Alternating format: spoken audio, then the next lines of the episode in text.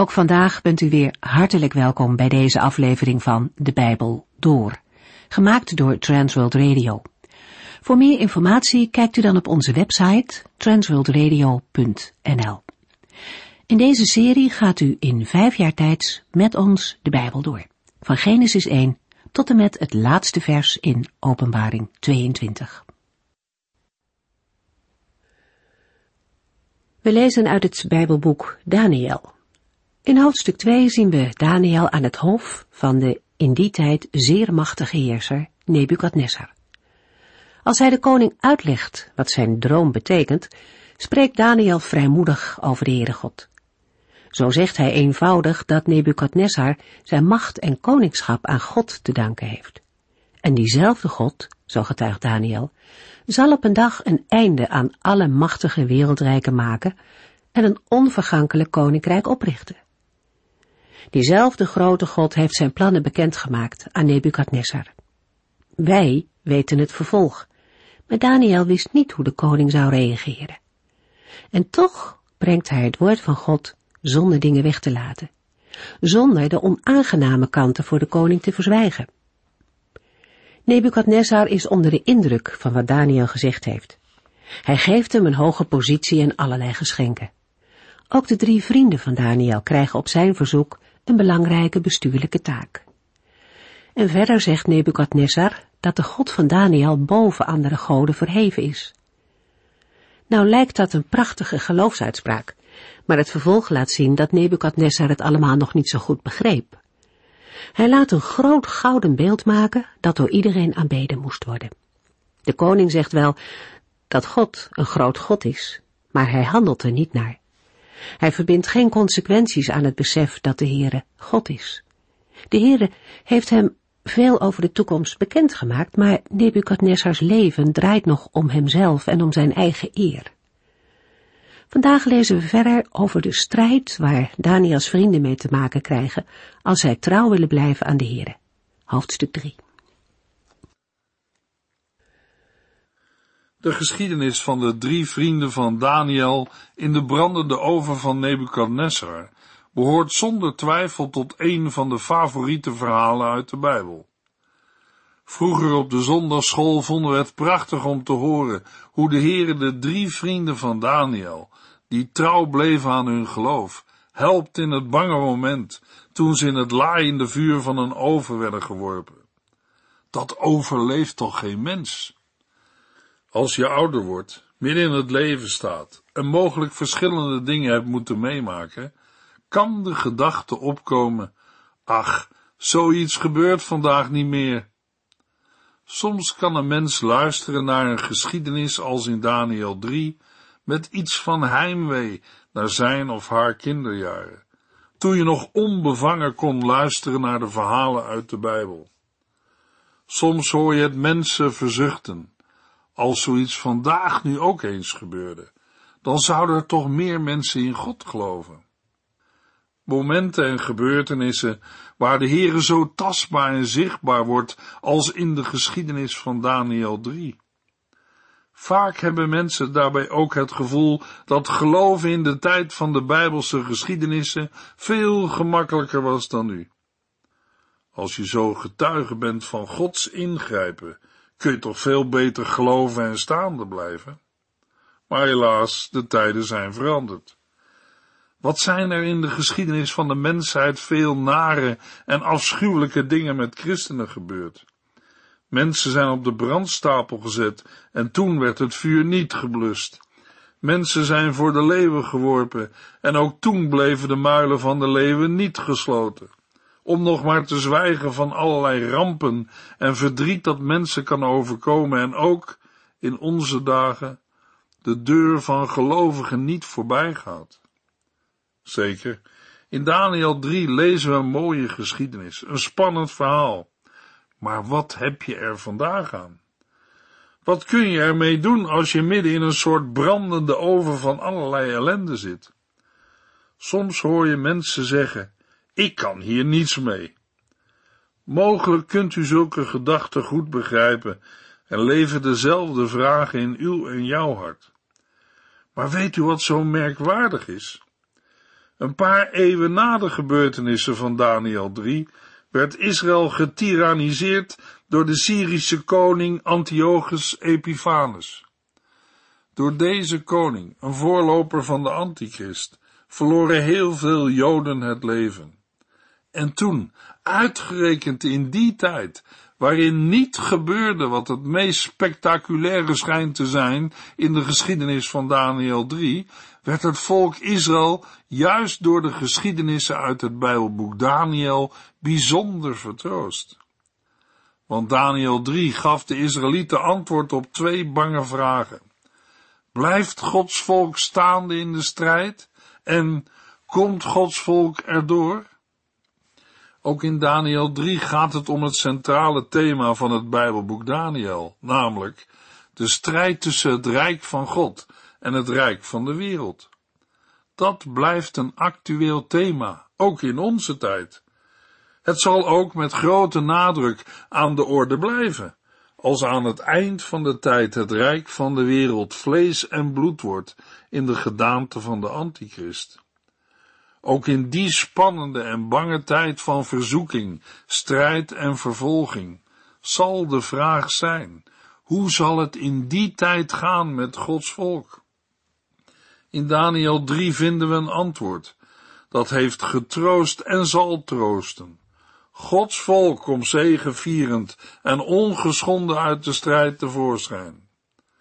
De meesten van ons kennen waarschijnlijk de uitspraak wel, God heeft ons geen kalme reis beloofd, maar wel een behouden aankomst. Dat is in Daniel 3 heel duidelijk aan de orde. Want wie God bewaart, is wel bewaard. Ondanks, ja, zelfs in het vuur van de vervolging. Want van dat vuur geldt wat eens de bisschop van Smyrna, Polycarpus, tegen zijn rechter zei, in de tijd van de christenvervolging in de tweede eeuw na Christus. Dit vuur brandt even en dooft na korte tijd weer uit. Daniel 3 vers 1 en 2 Koning Nebukadnessar liet een gouden beeld maken van 27 meter hoog en 2 meter 70 breed. Hij plaatste het in de vlakte Dura, in het gebied Babel. Daarna bracht de koning alle hooggeplaatsten in overheidsdienst bijeen om de inwijding van Nebukadnessars beeld bij te wonen. Bij deze eerste versen en met de uitleg van de droom in Daniel 2 in het achterhoofd, kan een mens bijna niet geloven dat koning Nebukadnessar een gouden beeld liet maken. Hoe bestaat het? Het maken van een gouden beeld staat toch haaks op wat we in Daniel 2 hebben gelezen. In Daniel 2 had de Heer aan koning Nebukadnessar laten weten dat de koning zijn macht te danken heeft aan de God van Israël. Die God waarvan hij zelf zei, werkelijk, Daniel, uw God is de God boven alle goden, de heerser over alle koningen. De Heere had in de droom ook laten zien dat het rijk van God zal triomferen over het wereldrijk waarvan Nebukadnessar het hoofd was. Nebukadnessar heeft de waarheid van die boodschap erkend en de God van Israël als de God boven alle goden en de heerser over alle koningen beleden. En dan lezen we in de eerste versen over een gouden beeld, zonder enige overgang. Hoe kan dat? Want dat dit beeld niet in heidense onkunde wordt gemaakt ter ere van de Heere, dat blijkt duidelijk genoeg. Het gaat om de goden van Babel en om de eer van koning Nebukadnessar. Mogelijk is bij Nebukadnessar het beeld van het gouden hoofd uit zijn droom blijven hangen. Is hij trots geworden? Dacht hij met de aanbidding van dit beeld de religieuze aanbidding van alle goden in zijn uitgestrekte koninkrijk tot een eenheid te brengen? Hoewel het beeld uit zijn droom alleen een gouden hoofd had, is het beeld in Daniel 3 helemaal van goud. Het beeld werd in de vlakte van Dura in de provincie Babel geplaatst. De trotse Nebukadnessar is door de droom die hij kreeg in Daniel 2 geweldig geschrokken. Na de droom is hij heel klein geworden, Hij was in paniek geraakt toen niemand hem kon vertellen wat hij had gedroomd. En toen was gebleken dat hij ook maar een mens was, ondanks al zijn macht en heerlijkheid.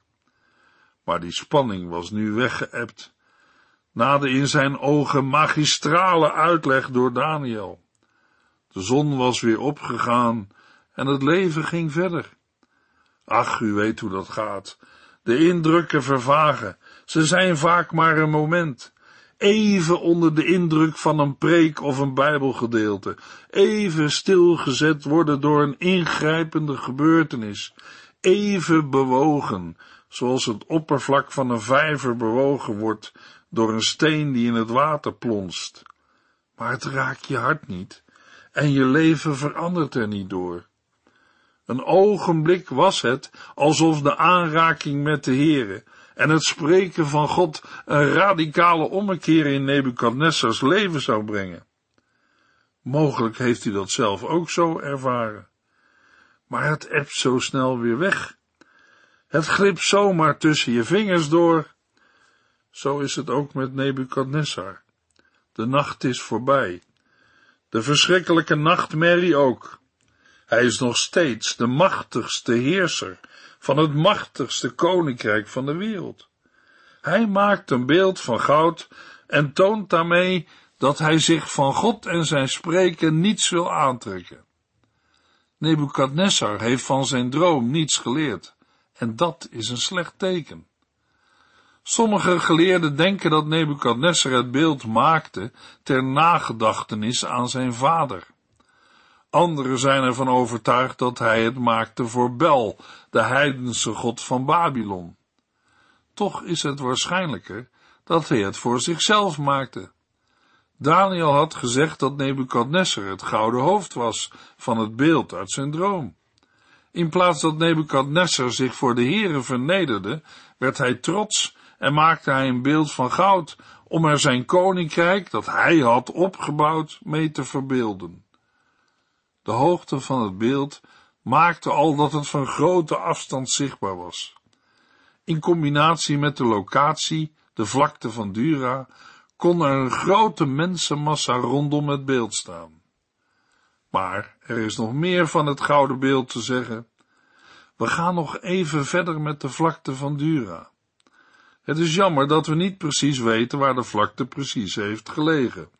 Ook al omdat er meer plaatsen zijn geweest met de naam Dura, wat vestingstad of vestingmuur betekent.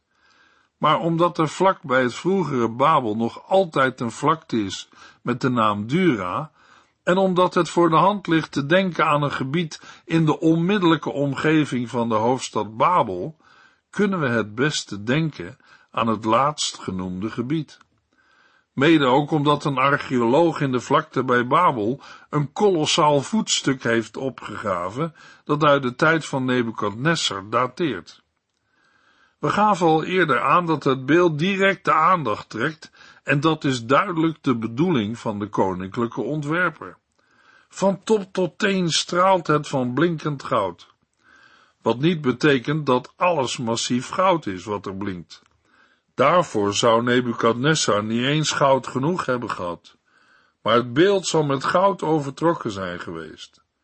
Zo staat het als een enorme blikvanger te schitteren in de oosterse zon. De getallen in de Hebreeuwse tekst, 60 en 6, zijn niet toevallig. Is het, zoals een aantal Bijbeluitleggers menen, een heenwijzing naar het getal 666 in Openbaring 13, het getal van een mens?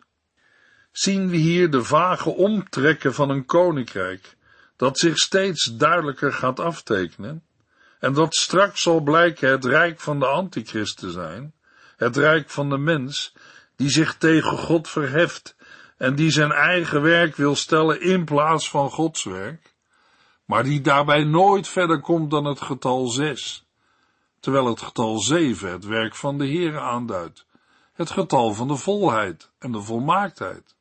Mensenwerk komt nooit verder dan zes. Eén keer zes, twee keer zes of drie keer zes, maar het wordt nooit zeven. Het is altijd tijdelijk, vergankelijk, zoals David het in Psalm 8 zegt. U hebt de mens bijna goddelijk gemaakt. Bijna goddelijk, maar niet helemaal, en dat betekent helemaal niet. Dat moet de mens dan ook niet gaan denken. En dat geldt ook voor Nebukadnessar. Maar er is meer dat ons aan Openbaring 13 herinnert. Niet voor niets is Nebukadnessar het gouden hoofd van het beeld, dat een wereldrijk symboliseert dat niets van de Heere moet weten. Hij is het geniale brein waarvan Satan zich bedient en dat de constructie uitdenkt van het rijk dat zich tegen God verheft. We zien dat in de verwevenheid van religie met politiek. Enerzijds heeft het beeld te maken met de godsdienst van Babel. Mogelijk hebben sommige Bijbeluitleggers gelijk die denken dat Nebukadnessar hier bezig is de godsdienst van Babel te verheffen tot staatsgodsdienst, waarbij andere goden wel een plaats krijgen, maar de god van Babel, Marduk, toch als de machtigste wordt erkend. Dat betekent dat we in het gouden beeld in Daniel 3 een beeld van Marduk moeten zien. In ieder geval gaat het hier om een eerbewijs voor de goden, uw goden, zoals we lezen in vers 12, 14 en 18. Maar tegelijk is het gouden beeld niet los te denken van Nebukadnessar. Tienmaal wordt in de eerste twintig versen het gouden beeld aangeduid als het beeld dat u hebt opgericht. De koning en de goden horen bij elkaar. Het is duidelijk dat wie voor het gouden beeld knielt, de koning eer bewijst. Wie niet aanbidt, beledigt de goden van de koning en daarmee de koning zelf. In feite ziet Nebukadnessar zichzelf als God. Alles leeft bij zijn gratie. Hij is de heiland en weldoener van zijn onderdanen. Wie voor de goden buigt, buigt voor de koning. Ja, hij is de machtigste van alle goden.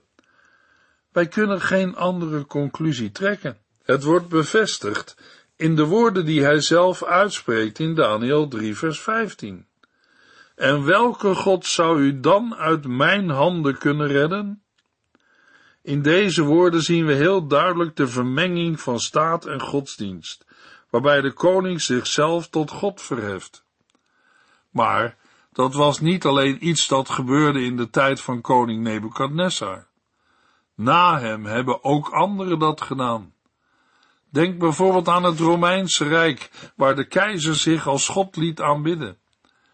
Het krijgt zijn climax in het rijk van de Antichrist, die een wereldheerser zal zijn, maar die zijn zetel zal hebben in de tempel en zich als God zal laten aanbidden. Nebukadnessar is ontwerper van het antichristelijke rijk.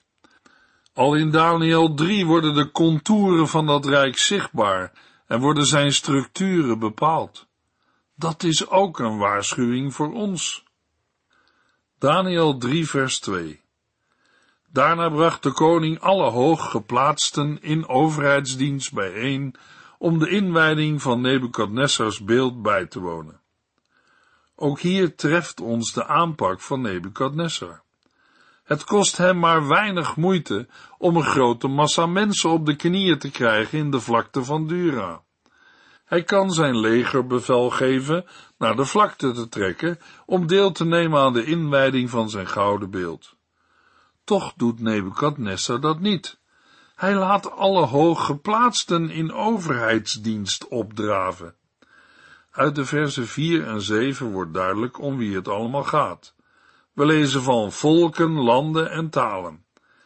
En weer moeten we denken aan woorden uit het Bijbelboek Openbaring.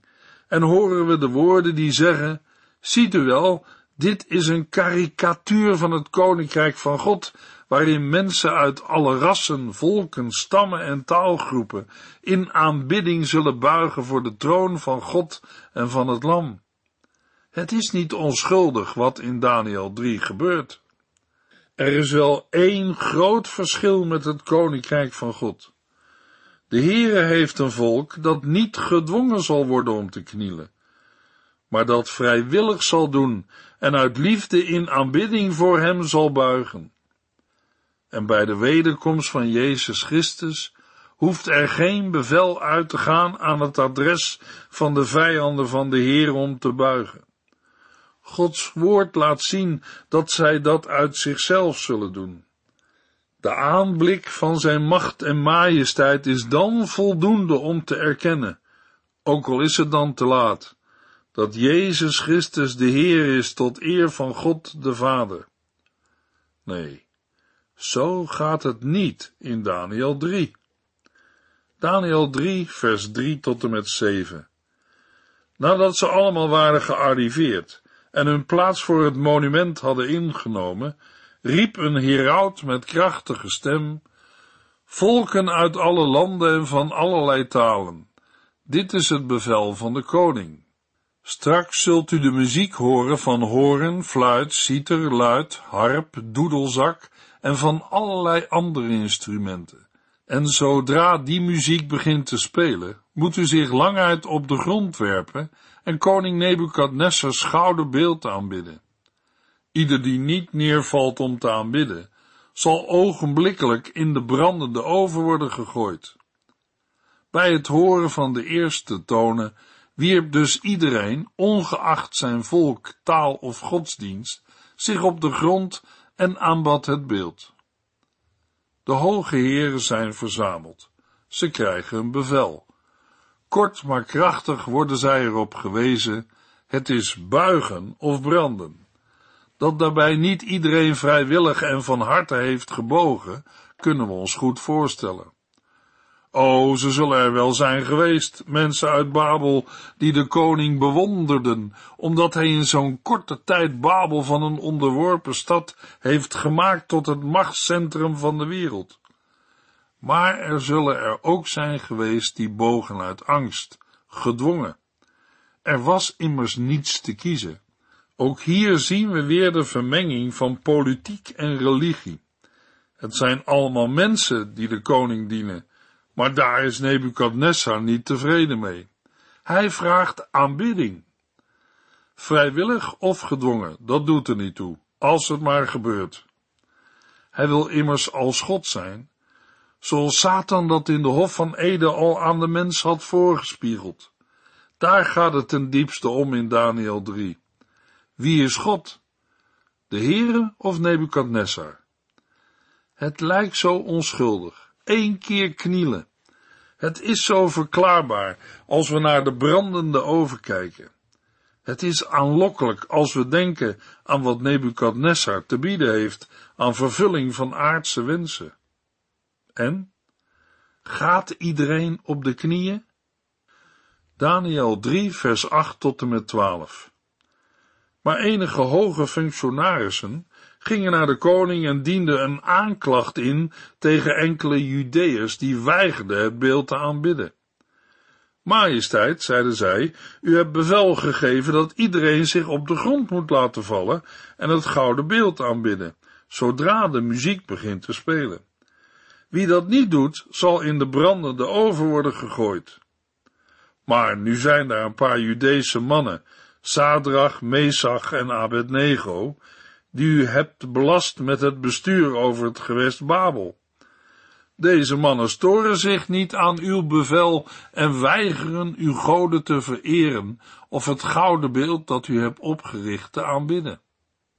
In het hele dal Dura blijken er voorlopig maar drie te zijn die doorhebben wat hier gebeurt. Het zijn de vrienden van Daniel, hier aangeduid met hun Babylonische namen. De vraag waar Daniel op die dag is geweest en waar hij was, is onbekend. Maar Daniels vrienden zijn er wel.